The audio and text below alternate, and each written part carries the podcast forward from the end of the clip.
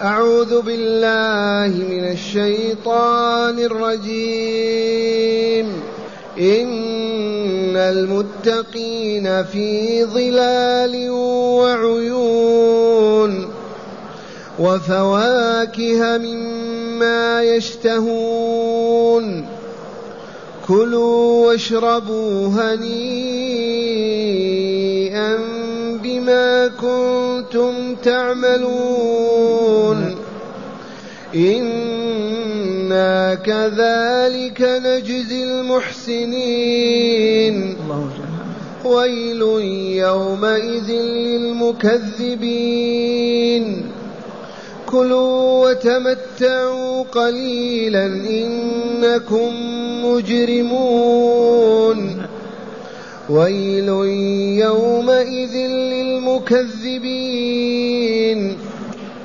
وإذا قيل لهم اركعوا لا يركعون.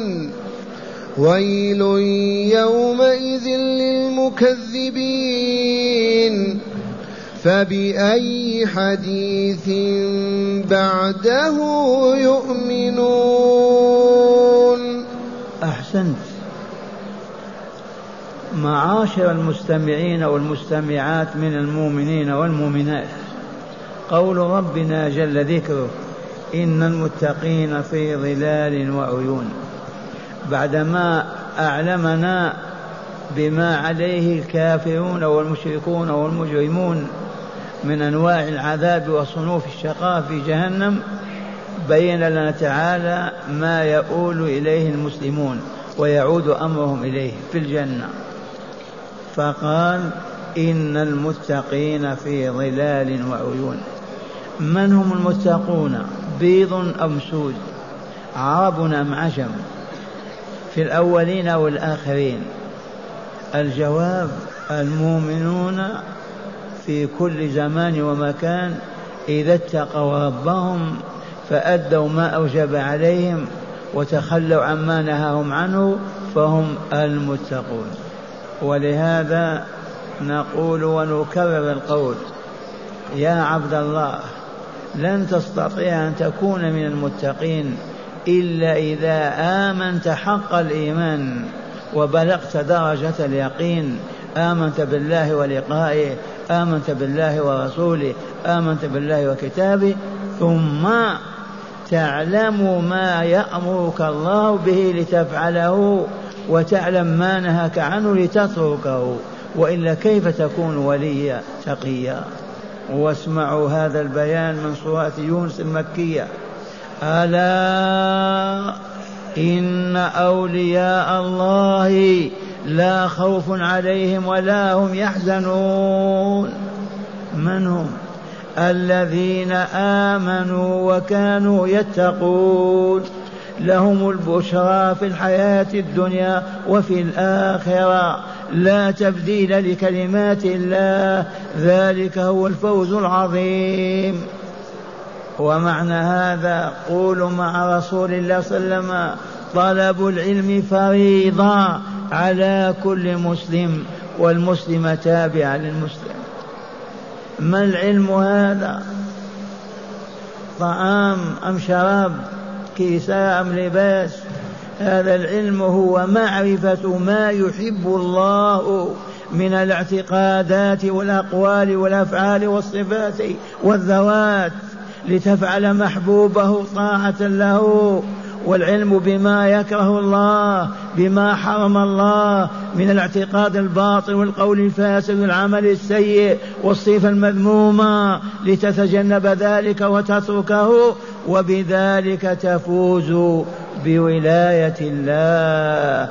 وتصبح لا خوف عليك ولا حزن. والله لتبشر في الدنيا قبل الآخرة ببشراك يا عبد الله الولي لهم البشرى في الحياة الدنيا وفي الآخرة. وفسر النبي صلى الله عليه وسلم البشرى في الحياة الدنيا بأنها الرؤيا الصالحة. يراها العبد الصالح أو ترى له فيبشر بها. قبل أن يموت. اليوم جاءني أحد الأبناء وقال لي رأيت البارحة. ماذا رأيت؟ رأيت جئت للحلقة ما وجدت أحدا فيها ولا وجدت شيخ فيها. فبكيت بكيت بكيت بكيت. قلت أبشر عكس ما رأيت. الحلقة مملوءة وأنت من الفرحين المسرورين والحمد لله. إذا إن المتقين في ظلال. جمع ظل ظلال الأشجار التي لا يعرف مداها إلا الله. أين هذه الأشجار؟ في الجنة. دار السلام. أين الجنة؟ فوق السماء السابعة. في ظلال وعيون. أربع عيون. عين العسل عين الخمر عين الماء. أنهار تجري في ظلال وعيون. والكافرون والمشركون فين؟ في جحيم وسموم وحميم. في ظلال وعيون وفواكه مما يشتهون. فواكه جمع فاكهة مما يشتهون. فقط ما يقول ما يجدون بل مما يشتهون. ما اشتهوا شيء إلا حضر بين أيديهم. وقد عرفتم تلك الكلمات الأربعة. أهل الجنة يقول تعالى عنهم دعواهم فيها سبحانك اللهم وتحياتهم فيها سلام وآخر دعواهم أن الحمد لله رب العالمين. ما معنى دعواهم فيها؟ إذا اشتهى شيئا وأراده قال سبحانك اللهم والله يحضر ذلك المشتهى كيفما كان. ما يقول للخدم هاتوا كذا وجيوني بكذا سبحانك اللهم. وتحيتهم فيها ما هي سلام عليكم. وإذا أكلوا وشبعوا ما يقولون ارفعوا هذه الصحاف ارفعوا هذه الكؤوس. لا لا لا لا. بس يقولون الحمد لله رب العالمين والله ما يبقى إنا بين أيديهم. هؤلاء أهل الجنة. من هم هؤلاء؟ عرب أم عجم؟ هؤلاء المؤمنون المتقون في أي زمان ومكان كانوا هذا الخبر الصادق خبر الخالق الرازق العليم الحكيم. إن المتقين في ظلال وعيون وفواكه مما يشتهون. وتقول لهم الملائكة ويقول لهم الرب تبارك وتعالى كلوا واشربوا هنيئا. بما كنتم تعملون. كلوا واشربوا. هذه دعوة لترقيتهم وتطهيرهم وزيادة فرحهم وسعادتهم. كلوا واشربوا. هنيئا لا يضركم ذلك الأكل والشرب ابدا. كلوا هنا. لا مغص ولا بول ولا خور ولا أبدا كلوا واشربوا هنيئا. وعلل لذلك بقوله بما كنتم تعملون. كانوا يعملون؟ إي والله الرباط والجهاد والإنفاق في سبيل الله وإقام الصلاة وبر الوالدين والإحسان و من كل ما أوجب الله. كانوا يفعلون. بما كنتم تعملون. فالذين لا يعملون يدخلون الجنة والله ما يدخلون. ما هم أهل لها أبدا. ما العمل؟ طاعة الله وطاعة رسوله. بين لنا يا شيخ ذلك. هذا يحتاج إلى دراسة أعوام. نعرف كل ما يحب الله من الكلمة الواحدة يحبها نعرفها. حركة حركة يعلمها الله يحبها نتحرك. أي طاعة الله وطاعة رسوله وذلك بفعل ما أوجبا وترك ما حرما ونهيا. العلم طلب العلم فريضة. والله لن يكون ولي الله جاهل أبدا. مالك يا شيخ تعلف مستحيل أن يوجد ولي من أولي الله وهو جاهل. ما يمكن أبدا. لا بد وأن يعرف ما يحب الله ويفعله طاعة لله ويعرف ما حرم الله ويتركه طاعة لله وبذلك تتم الولاية. أما قال تعالى الذين آمنوا وكانوا يتقون. يتقون الله يخافونه ما يعصونه بل يفعلون ما أوجب فعله ويتركون ما حرم فعله. هذا لا بد من العلم. وقد مر قلنا آلاف المرات لا تقل كيف ندرس كيف نتعلم أنا مشغول في زراعتي هذا في صناعتي هذا في تجارتي كيف كيف؟ نقول إذا دقت الساعة السادسة مساء قف يا عمل يا فلاح ألق المسحاه يا صانع القلاتة الآلة يا تاج أغلق الباب. وتوضأوا وأتوا بيت ربكم مسجده في أي مكان وصلوا المغرب كما صلينا واجلسوا كجلوسنا هذا ليلة آية من كتاب الله وليلة حديث من أحاديث رسول الله وذلك طول العام بل طول العمر. والله ما يبقى جاهل. حتى لو كان ما يعرف الألف ولا الباء ولا التاء. فقط بالعلم بالسماع والمعرفة يصبح من أعلم الناس. ومثل ذلك أصحاب رسول كلهم ما يكتب ولا يقرأ. من غير هذا ما فيه. أو فيه صعوبة هذا ماذا ترون؟ اليهود والنصارى والمجوس والكافرون إذا دقت الساعة السادسة أوقفوا العمل وذهبوا إلى السينما والملاهي والملاعب واللهو والباطل والخمر والسكر وما إلى ذلك. وأنتم أيها المؤمنون أين تفعلون؟ تذهبون إلى أين؟ إلى بيوت الله. والله ما ذهبوا إليها. ولا عرفوها يعيش الرجل القرية أربعين سنة ما جلس مجلس كهذا ولا سمع عن الله ولا عن رسوله. كيف يكون عالما؟ مستحيل هذا. ثم قال تعالى إنا كذلك نجزي المحسنين. إنا رب العزة والجلال والكمال. كما جزينا المتقين نجزي المحسنين. اللهم اجعلنا من المحسنين. من هم المحسنون ضد المسيئين. هذا محسن وهذا مسيء. من هو المحسن الذي يحسن عبادة الله ويتقنها ويجودها ويؤديها كما أمر الله والمسيء الذي يسيء فيها ويقدم ويؤخر ويزيد وينقص بالباطل. ما تزكي نفسه ولا تطهرها. الإحسان في العمل إتقانه وتجويده وتحسينه حتى ينتج الزكاة والطهر للنفس البشرية. ما قال بما كنتم تعملون وإلا لا ذاك العمل كان مزكيا لنفوسهم مطهرا لها. ما سبب ذلك؟ إحسانهم له إتقانهم وتجويده لذاك العمل. أنتج هذه الطاقة. ألا وهي زكاة النفس وطهارتها.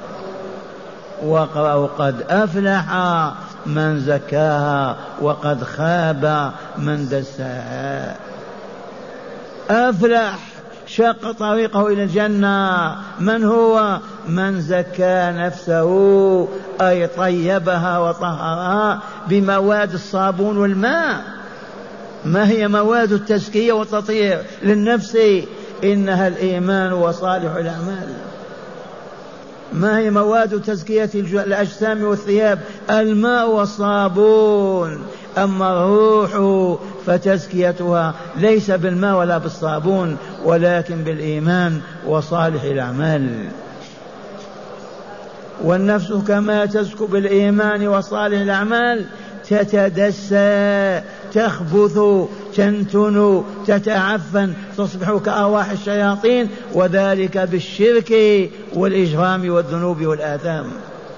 قد أفلح من زكاها وقد خاب من دساها. هيا نعمل. الفرصة متاحة. ما ندري نصبح أو لا نصبح. يجب أن نزكي أنفسنا بالإيمان وصالح الأعمال.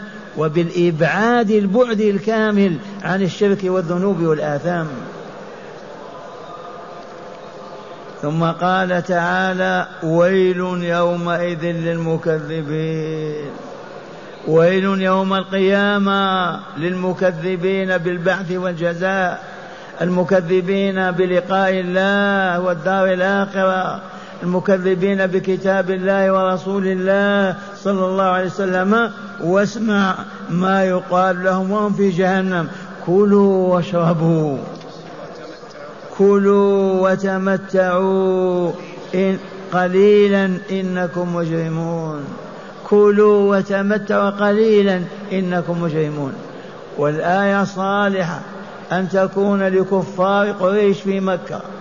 وهذا وعد من وعيد من الله أنه يهلكهم في بدر عن آخرهم. وصالح لأن يقال لهم هذا يوم القيامة في جهنم. والكل والله حق. كلوا وتمتعوا قليلا ما هو كثير. لماذا يا ربي؟ إنكم مجرمون. إنكم مجرمون. من هو المجرم هذا؟ الإص السارق الخادع الكذاب الزاني اللائق الفاجر هو المجرم وإلا لا؟ أجرم اولا على نفسه فخبثها وعفنها فهو مجرم ويجرم على الغير بسلب أموالهم بانتهاك أعراضهم بسبهم وشتمهم إجرام هذا. كلوا وتمتعوا قليلا ما مدة طويلة. إنكم مجرمون. خمس سنوات وهلكوا في بدر. ثم قال تعالى ويل يومئذ للمكذبين. وإذا قيل لهم اركعوا يركعون صلي يا فلان ما نصلي؟ حتى في المدينة هكذا صلي ما نصلي؟ اركع ما نركع. والآية مكية وثقيف في الطائف لما قابلوا الإسلام اشترطوا على أن لا يصلوا أن لا يركعوا. ما نمد أعناقنا هكذا نذل ونهون. فرد الرسول عليهم قال لا صلاة لمن لم يركع ولا يسجد فيها. تتناولهم وإذا قيل اركعوا لا يركعون. وهنا لطيفة علمية خذوها. كان الإمام مالك هنا في المسجد. تعرفون مالك هذا؟ صاحب المذهب المالكي. دخل بعد العصر وجلس. وإذا بصبيك هذا قم يا رجل صل قبل أن تجلس. اركع. فما كان منه إلا أن قام فصلى. كيف؟ قال لما قال تعالى وإذا قيل اركعوا لا يركعون خفت من هذا. مع أنه كان يرى لا صلاة بعد العصر. تباتم. لما جلس قال الصبي كان يا عم أو يا شيخ قم اركع. فقام فركع. فقيل لي ما يا مالك؟ قال خشيت من قول الله تعالى وإذا قيل اركعوا لا يركعون. فامتثلت أمر الله عز وجل. هذا صبي أدب مالكا. ويل يومئذ المكذبين وأخيرا يقول تعالى فبأي حديث بعد القرآن يؤمنون؟ دلوني يرحمكم الله. القرآن ذو العلوم والمعارف الإلهية الحاوي للتاريخ البشري للحياة بكاملها المفصل للدار الآخرة قصص الأنبياء الحق في كل آية من آياته الطريق وهكذا بسالكه إلى الجنة. إذا ما آمنوا بالقرآن بأي حديث؟ بأي حديث يوم. والله من لم يؤمن بالقرآن ما أمل بالتوراة ولا بالإنجيل ولا بغيرها. واليهود والنصارى يكذبون. والله ما آمنوا لا بالتوراة ولا بالإنجيل. لو آمنوا بهما لدخلوا في الإسلام وآمنوا. يكذبون. فبأي حديث بعد هذا القرآن الكريم يؤمنون؟ لا شيء أبدا. ما يستطيعون. آمنا بكتاب الله. والآن مع هداية الآيات. بسم الله والحمد لله والصلاة والسلام على خير خلق الله سيدنا ونبينا محمد وعلى آله وصحبه. من هداية هذه الآيات أولا تقرير عقيدة البعث والجزاء بذكر ما أعد الله تعالى لأوليائه المؤمنين المتقين المحسنين. من هداية هذه الآيات تقرير عقيدة البعث والجزاء أي الإيمان بيوم القيامة وما يجري فيه من حساب وما يتم فيه من جزاء. هذه الآيات الأولى قررت هذا المبدأ وهو ركن الإيمان السادس. نعم.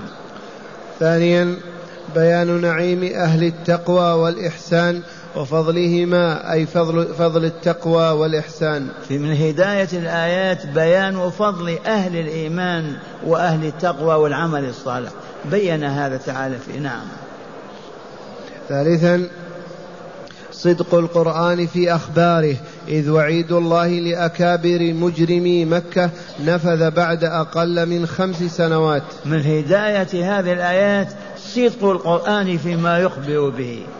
هذا الخبر هذا ما بعد خمس سنوات هلكوا كما قال تعالى. كلوا وتمتعوا قليلا وما هي إلا أيام وأهلكهم الله. أي نعم.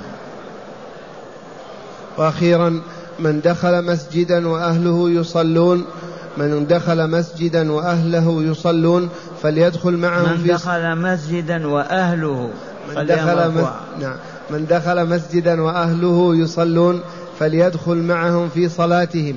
وإن كان قد صلى حتى لا يكون غيره راكعا لله وهو غير راكع وقد جاء في الصحيح هذا المعنى. فهمتم هذه الحقيقة؟ أيما مؤمن يدخل مسجدا والناس يصلون وهو صلى ينبغي أن يدخل معهم ويركع معهم. خشية أن يكون وإذا قيل اركعوا لا يركعون. صليت الظهر دخلوا يصلوا العصر ادخل معهم. صليت ما صليت الظهر وجدتهم يصلوا العصر ادخل معهم بنية صلي معهم العصر ثم صلي الظهر والعصر. ما يمكن أن تجلس فقط لأنك ما صليت. لا بد تصلي. حتى صلاة الصبح. صليت الصبح في مسجد وأتيت المسجد وجدتهم يصلون ما تجلس صلي معهم. حتى لا تكون ممن قيل لهم اركعوا لا يركعون. والآن نستمع الآيات مجودة مرتلة ونتأمل ما فهمناه منها. نعم. أعوذ بالله من الشيطان الرجيم. إن المتقين في ظلال وعيون وفواكه مما يشتهون. كلوا واشربوا هنيئا بما كنتم تعملون. إنا كذلك نجزي المحسنين. ويل يومئذ للمكذبين. كلوا وتمتعوا قليلا إنكم مجرمون. ويل يومئذ للمكذبين. وإذا قيل لهم اركعوا لا يركعون. ويل يومئذ للمكذبين. فبأي حديث بعده يؤمنون؟ أحسنت. ردا على ذلك المؤمن الذي قال كيف يقول الشيخ المرأة تسافر في الطائرة مع غير مع غير ذي محرم لها؟ أولا ما عندنا نص من الكتاب ولا السنة ولا قول لمالك ولا أحمد ولا ولا ما كانت طائرة موجودة أبدا.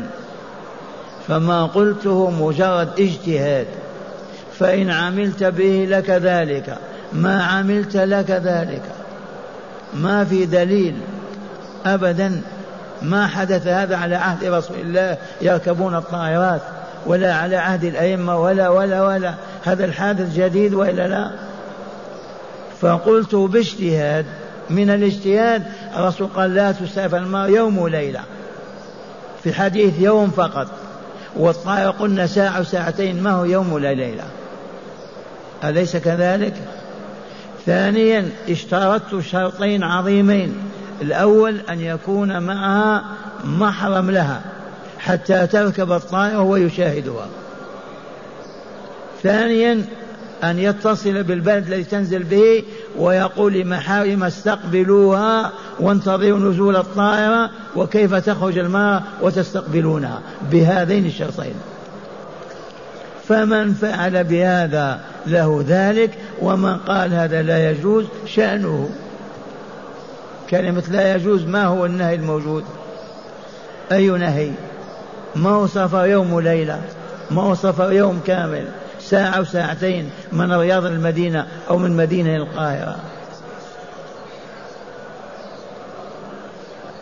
أيها المعترض فهمت ولا لا؟ بلغناك ما تريد.